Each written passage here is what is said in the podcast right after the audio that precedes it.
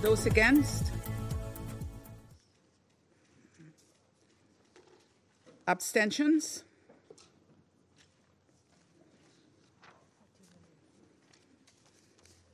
Proceeding with a vote today was wishful and irresponsible.